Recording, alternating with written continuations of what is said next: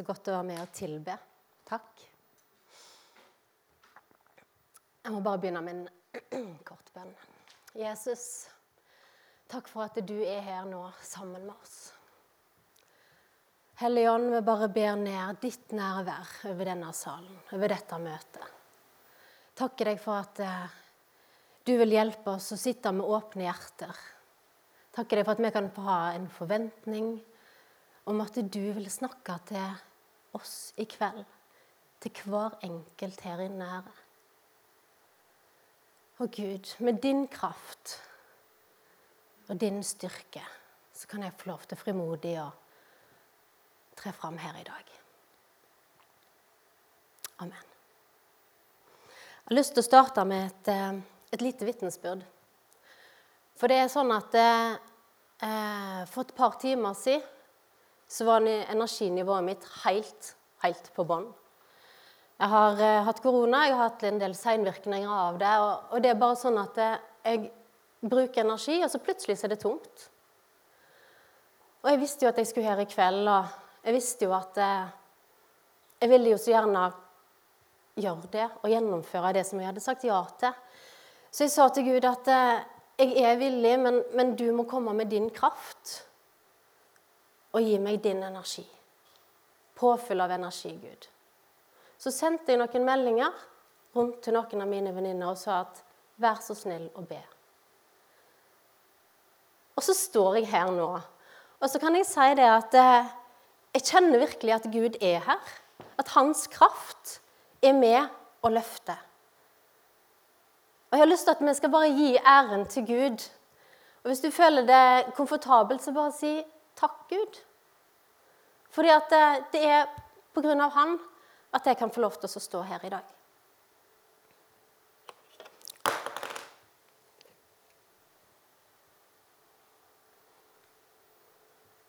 Oi. Det var ikke helt meningen. Skal vi se. Sånn.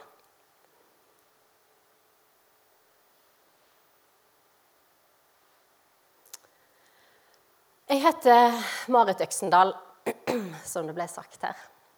Jeg er gift med en fantastisk mann, Kenneth Øksendal. Vi har tre barn på 14, 12 og snart 10 år. Vi bor her i Grimstad, og vi går i denne menigheten. Og vi er veldig glad i menigheten vår, alle sammen. Men jeg er ikke fra Grimstad, jeg er opprinnelig fra Vestlandet. Det har du kanskje hørt allerede på min dialekt. Eh, men jeg kom her til Grimstad for å studere og siden så har jeg blitt her. For når du forelsker deg i en sørlending, så eh, blir det fort sånn. Er det mange av dere som er tilflyttere, som kommer utenfra Grimstad? Ja? Masse kjekke sørlendinger.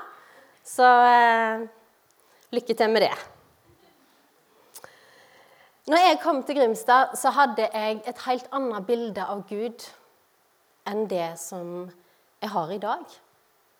Jeg syns han var streng. Jeg følte bare han hadde mange regler for hva jeg ikke kunne gjøre i livet mitt. Så følte jeg at han var fjern. Han virka så langt borte, liksom langt oppi der en vei. Og jeg hadde hørt mange bibelhistorier i oppveksten min, men jeg hadde liksom ikke en opplevelse av at Gud var relevant for mitt liv. Men når jeg kom til Grimstad og hadde dette her bildet av Gud, så plutselig så opplevde jeg at det, det skjedde ting i livet mitt som jeg ikke helt kunne forklare.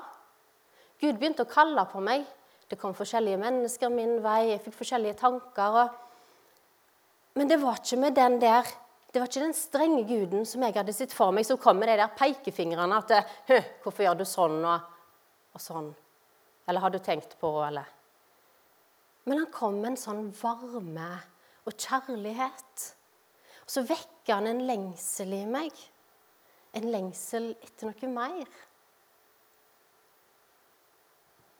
Så vet ikke jeg hvordan du har det, men kanskje du har eller har hatt noen av de samme tankene som meg. Kanskje du tenker at Gud er en litt vel streng pappa. Eller kanskje ikke du tenker han er streng, men du bare føler ikke at du kjenner Gud så godt. Eller kanskje du tenker at jo da, jeg kjenner jo Gud, men jeg føler liksom at han er litt fjern fra livet mitt. At det er liksom vanskelig å vite om Gud er her, for jeg føler ingenting, eller jeg hører ingenting, eller jeg ser ikke noe i mitt liv som Eller kanskje du har kjent Gud lenge. Men det å elske Ham Hva er egentlig det? Hvordan ser det ut? Og Temaet i dag det er nettopp å elske Gud. Og Jesus, sånn som vi hørte Ingvild leste her, han fikk spørsmålet om hva som var det største budet. Og Da svarte Jesus nettopp det. At du skal elske Herren din Gud. Du skal elske Herren din Gud av hele ditt hjerte. Og Vi skal se litt mer på omstendighetene rundt det når Jesus svarte dette. Men først så ønsker jeg at vi skal se litt på det å For å kunne elske Gud, så må vi vite hvem han er. Og den sikreste kilden vi har til det, det er denne boka her. Det er Bibelen.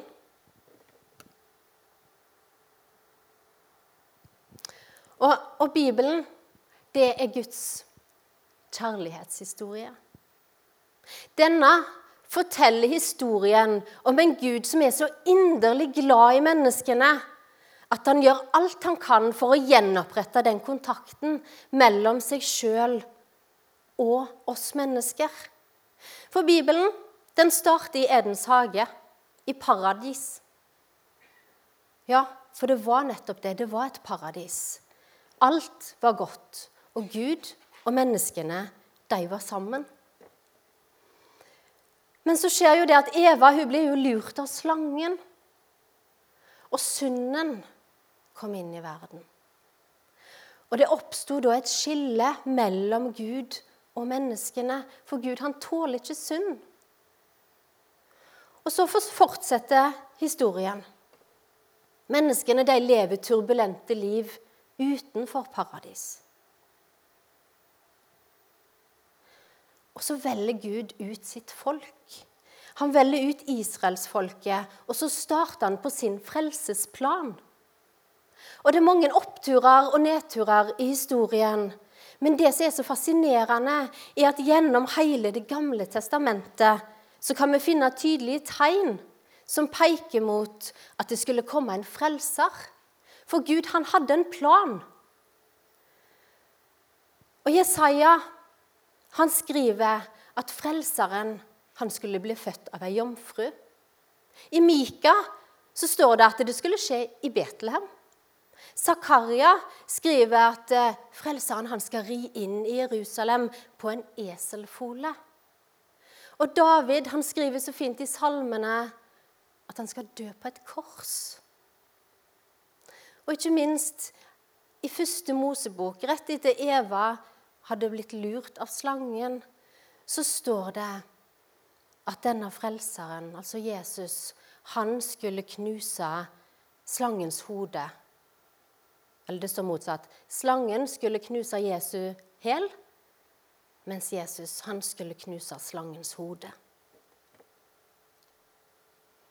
Og så, i starten av Det nye testamentet, så kommer Jesus han blir født av ei jomfru i Betlehem. Han rir inn på en, en eselfole i Jerusalem, der han òg dør på et kors. Og der på korset så tar han dine og mine synder på seg. Og så gjenoppretter han det forholdet som var mellom Gud og oss mennesker. For Jesus han knuser djevelen sitt hode men sjøl så ble han spikra inn i hælen på korset.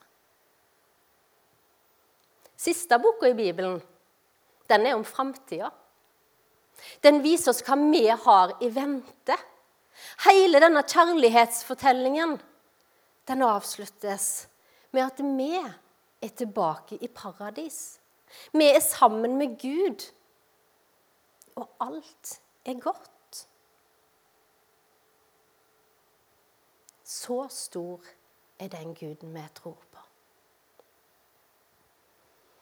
Og fordi at Gud elsker oss så høyt, fordi han elsker oss først, så skal vi få lov til å elske han tilbake. I 1. Johannes brev så står det, det at vi elsker fordi han elsker oss først. Ikke som en prestasjon. Ikke som det er noe som vi må være gode nok til, men som en gjenklang i våre hjerter tilbake til han som elsker oss først. Og når da Jesus fikk dette spørsmålet om hva bud er det som er det største, så svarer han at du skal elske Herren din Gud av hele ditt hjerte, av hele din sjel og av all din forstand. Jødene, han, han som spurte dette spørsmålet, var en fariseer. Og jødene de hadde 613 bud, påbud og forbud, som de skulle holde. Og denne Fariseeren han tenkte nok at han skulle prøve å sette Jesus litt på prøve. Teste han litt. For det han egentlig spør, er jo hva er det som er det viktigste i livet? Tenk litt over det spørsmålet. Hva ville du svart hvis noen spurte deg om hva som var det viktigste i livet?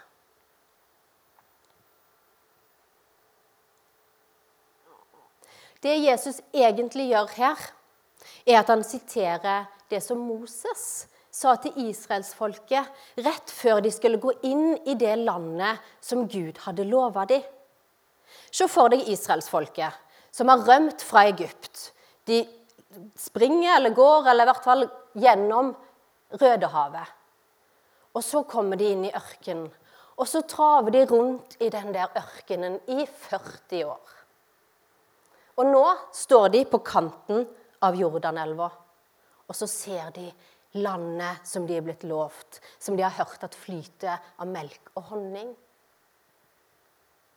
Og Moses han vil så inderlig at israelsfolket skal få lykkes og ha det godt i dette landet. Så Derfor så forteller han dem hva de skal gjøre, nettopp for å få et godt liv.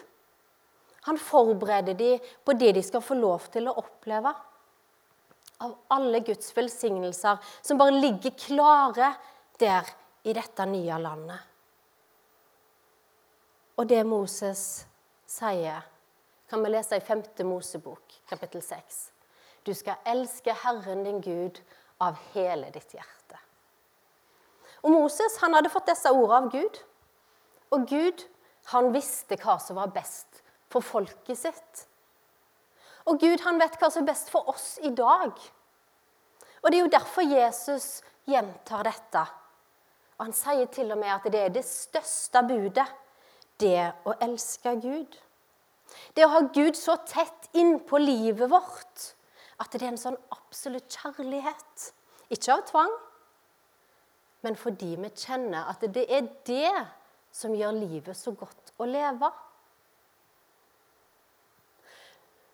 Når du elsker et annet menneske, når du er betatt av det, så søker du personens oppmerksomhet.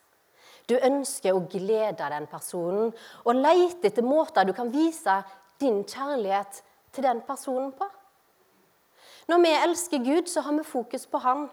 Vi tilbringer tid sammen med Han, vi lytter til Han, og så har vi et ønske om å bli bedre kjent med Han. Når vi elsker Gud, så ønsker vi å vise Han vår kjærlighet som en respons på alt det Han har gjort for oss. Et annet ord for å elske, det er å tilbe. Å tilbe, det innebærer å sette Gud på førsteplassen. For han fortjener å få min kjærlighet. Å elske, det er liksom altomfattende. Det inkluderer både mitt indre menneske og det ytre livet som jeg lever. Og når Jesus sa at vi skulle elske Gud av hele vårt hjerte, av hele vår sjel og all vår forstand, så peker han nettopp for det. For hjertet, det står for sentrum i mennesket. I ordspråkene 423 så står det 'bevar ditt hjerte fremfor alt du bevarer'. For livet, det utgår fra det. Å elske Gud av vår sjel, ja, det viser jo at vi består mer av bare en kropp. Vi har et åndsliv der kjærligheten og tilbedelsen har en naturlig plass. Og for at kjærligheten ikke skal bare oppleves som sånn indre føleri, så understreker Jesus at vi skal elske av all vår forstand eller vår fornuft. For kjærligheten den må altså innom tankelivet før han viser seg òg ut i konkrete handlinger i livet vårt. Så ordene hjerte, sjel og forstand viser oss at kjærligheten det gjelder hele oss. Så det å elske Gud, det betyr egentlig å leve et liv sammen med Han. Og når vi klarer å oppgradere hverdagen vår til ikke bare å omhandle studier, jobb, middag, lekser. Men til et sted der vi kan tjene Gud. Da blir hverdagen et sted der vi tilber Gud med våre liv. Og et sted der vi kan være klar til å bli brukt av Gud. Altså å elske Han tilbake igjen. Og det gjelder de store, men òg de små valgene i livet ditt. Det å velge å ta Gud med inn der du er, i det du gjør akkurat nå. Det blir liksom en livsstil. På lik linje med, med idrettsutøvere. Nå er det jo OL. Idrettsutøvere og andre som har tydelige mål med livet sitt. Det handler jo om prioritering, tid og energi.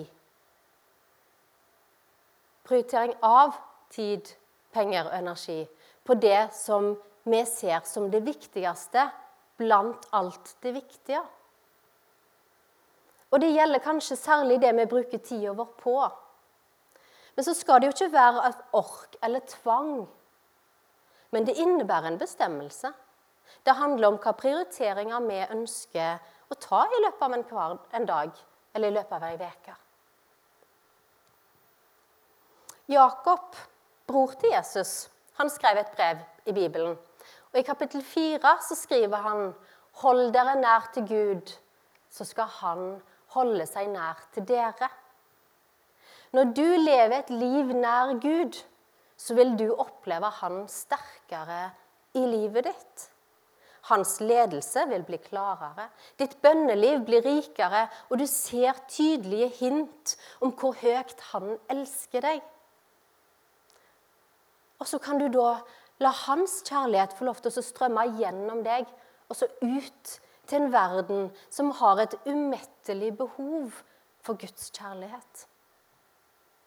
For å elske Gud det handler om å sette Han i sentrum.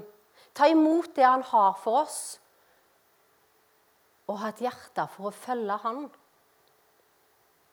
Å elske Gud handler med andre om å la Gud være Gud i livet ditt.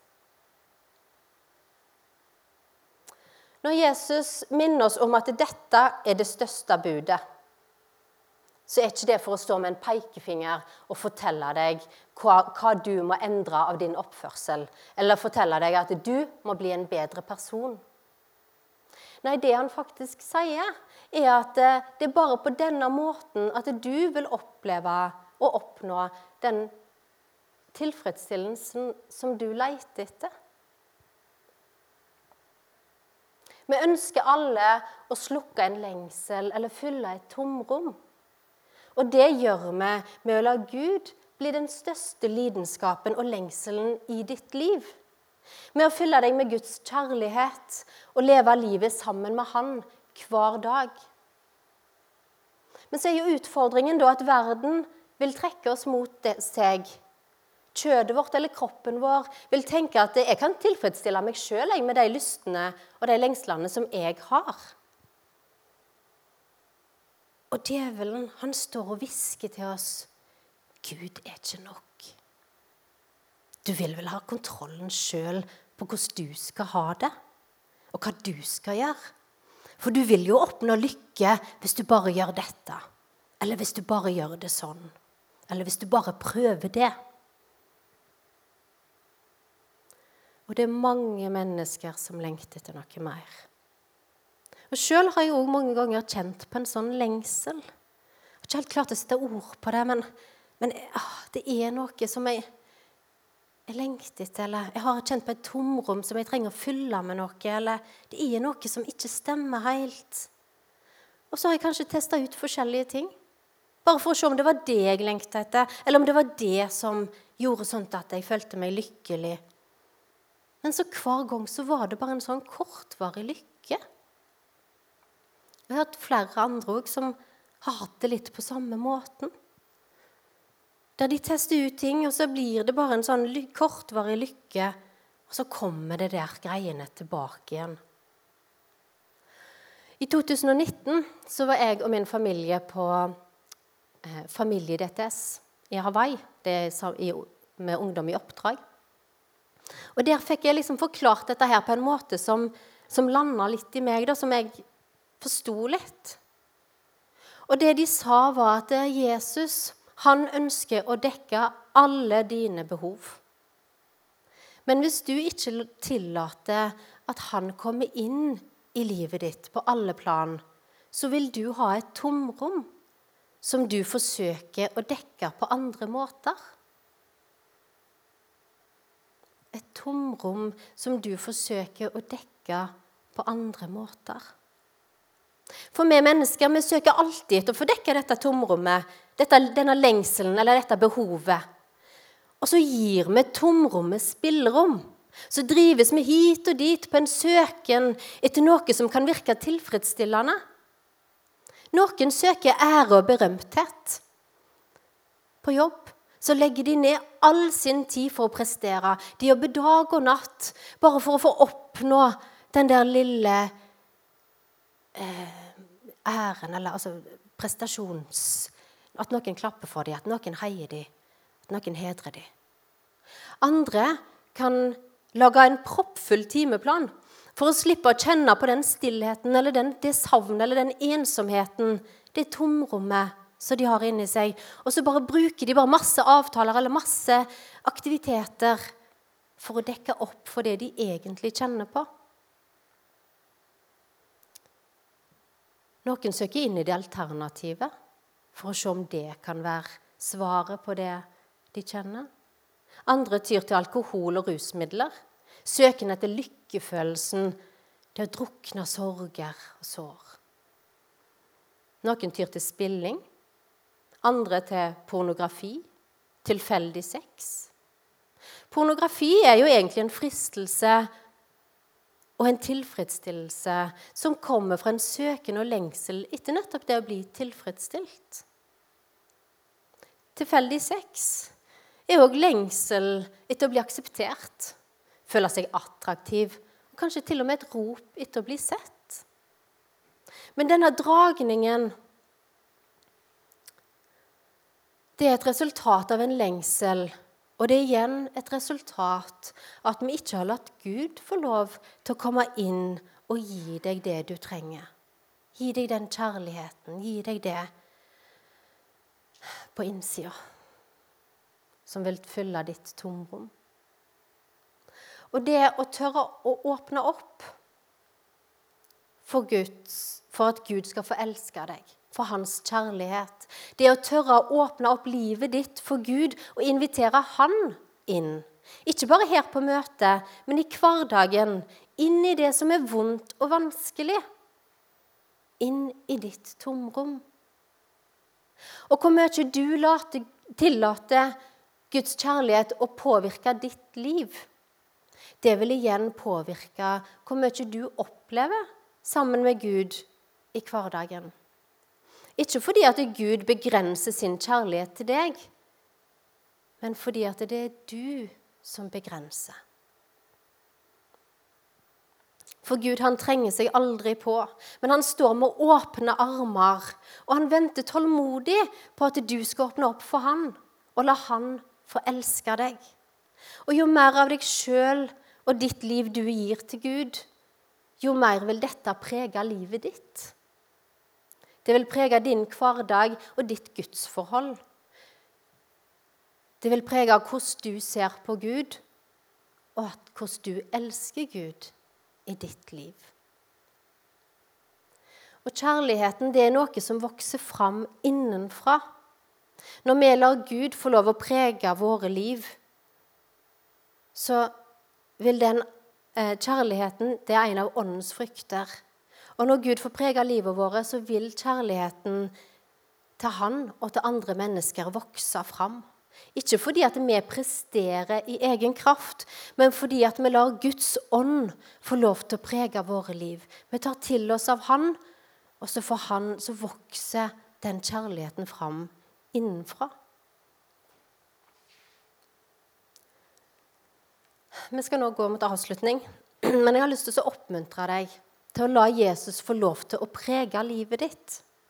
For det du bruker tid på, det gjør noe med deg. Det du fyller deg med, det gjør noe med deg. Og de prioriteringene du tar, det gjør noe med deg. Hvilke prioriteringer har du lyst å gjøre i ditt liv? For Gud han ønsker bare det beste for oss. Og han vet at det beste for oss er å holde oss nær til Han. Han som er kjærlighet. Og det er derfor han sier at det første, største budet, det er å elske Han. Og det er Gud som tar initiativet. For Gud han er interessert i oss. Han er interessert i deg.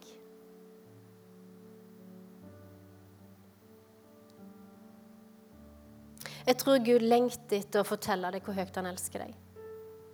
Han ønsker virkelig at du skal få lov til å erfare det gode livet sammen med han. Og alle de velsignelsene som han har for deg. Tør å gi plass til han i livet ditt. Tør å elske han. Tør å la han få lov til å komme inn i dine tomrom. For han elsker deg.